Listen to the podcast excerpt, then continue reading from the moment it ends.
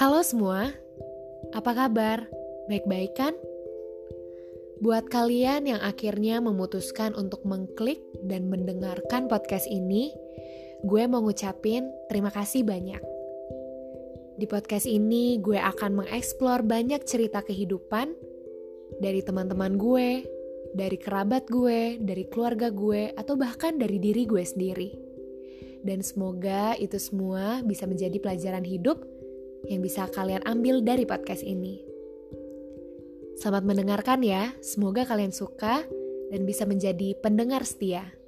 Bye.